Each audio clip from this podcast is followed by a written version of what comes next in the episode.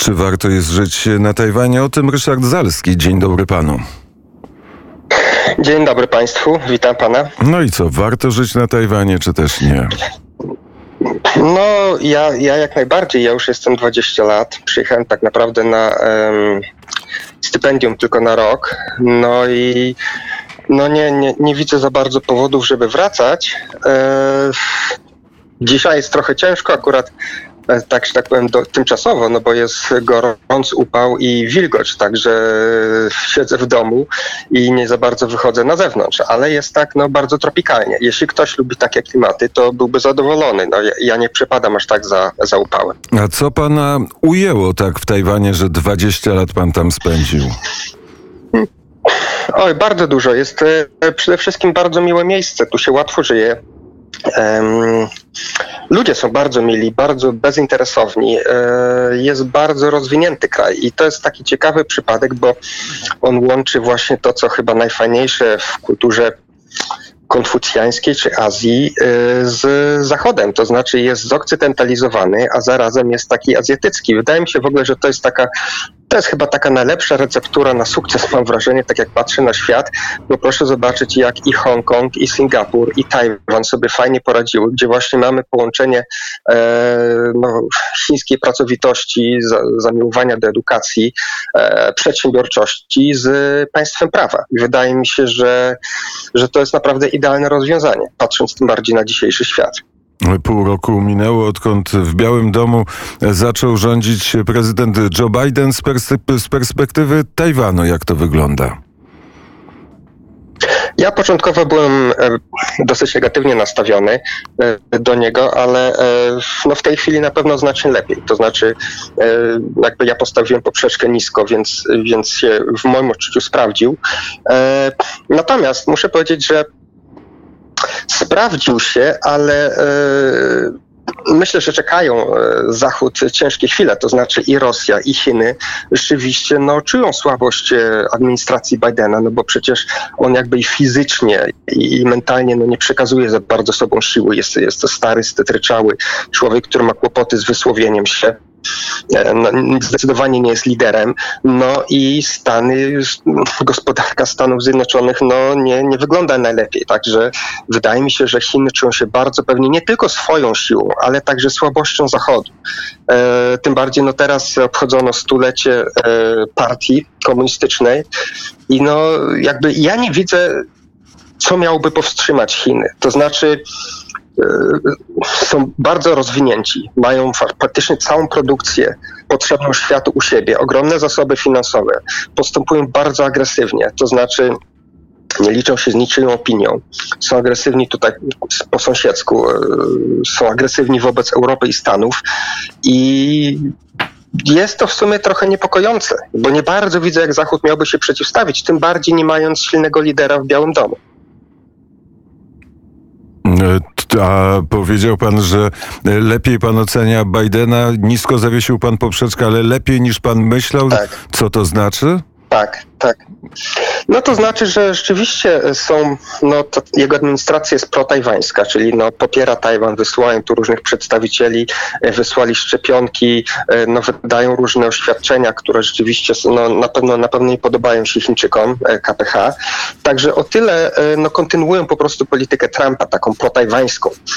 Mało tego, no, skutkuje to tym, że także sąsiedzi, sąsiedzi Tajwanu, czy też alianci USA w regionie czują się chyba też silniej, no bo przecież ja, e, władze Japonii właśnie stwierdziły niedawno, chyba tydzień czy dwa temu, e, że e, bezpieczeństwo Tajwanu za, jest blisko związane z bezpieczeństwem Japonii i nie wykluczyli ewentualnej interwencji w przypadku konfliktu przez ciśninę. Zresztą podobnie wyraziły się władze australijskie. No i oczywiście władze w Pekinie są bardzo niezadowolone z tego powodu, ale jest to chyba wynik właśnie silnej od sześciu już lat polityki antychińskiej i protajwańskiej z Waszyngtonu. Także o tyle jestem zadowolony właśnie z administracji Bidena, że oni to kontynuują i że to przynosi efekty.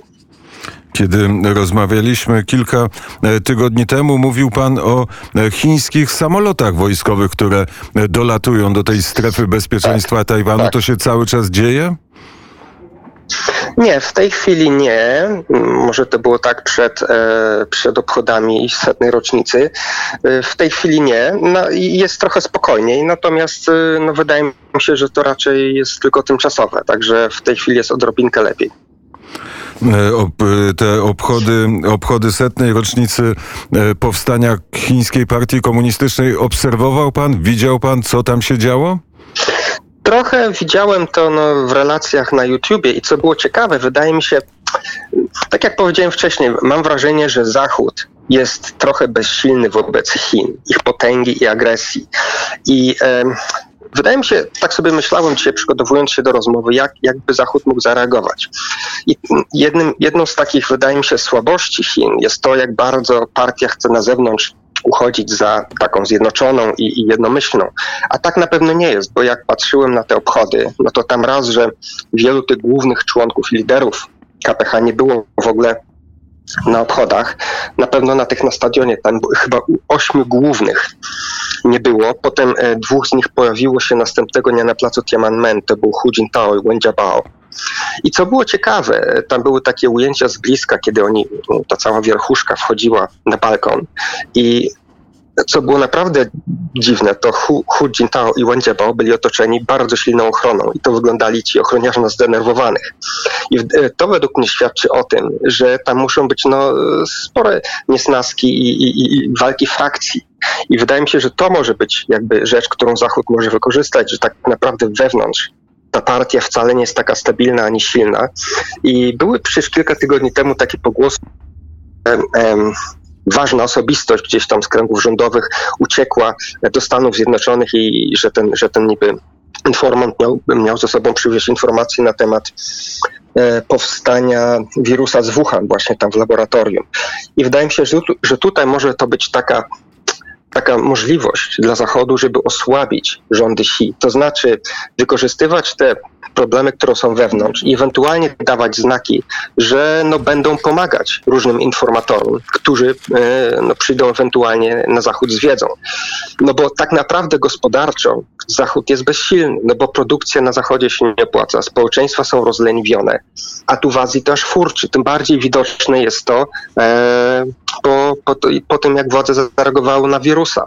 Europa jakby no, miała rok praktycznie wyjęty z życia gospodarczego. Stany Zjednoczone też, władze nadal przysyłają tylko czeki co miesiąc obywatelom, a tutaj w Azji produkcja wrze i, i jest wszystko ok. No, teraz na Tajwanie jest odrobinkę gorzej, bo, bo mieliśmy tutaj takie dwa miesiące, powiedzmy, gdzie, gdzie rzeczywiście było więcej przypadków wirusa, ale ogólnie Azja poradziła sobie bardzo dobrze.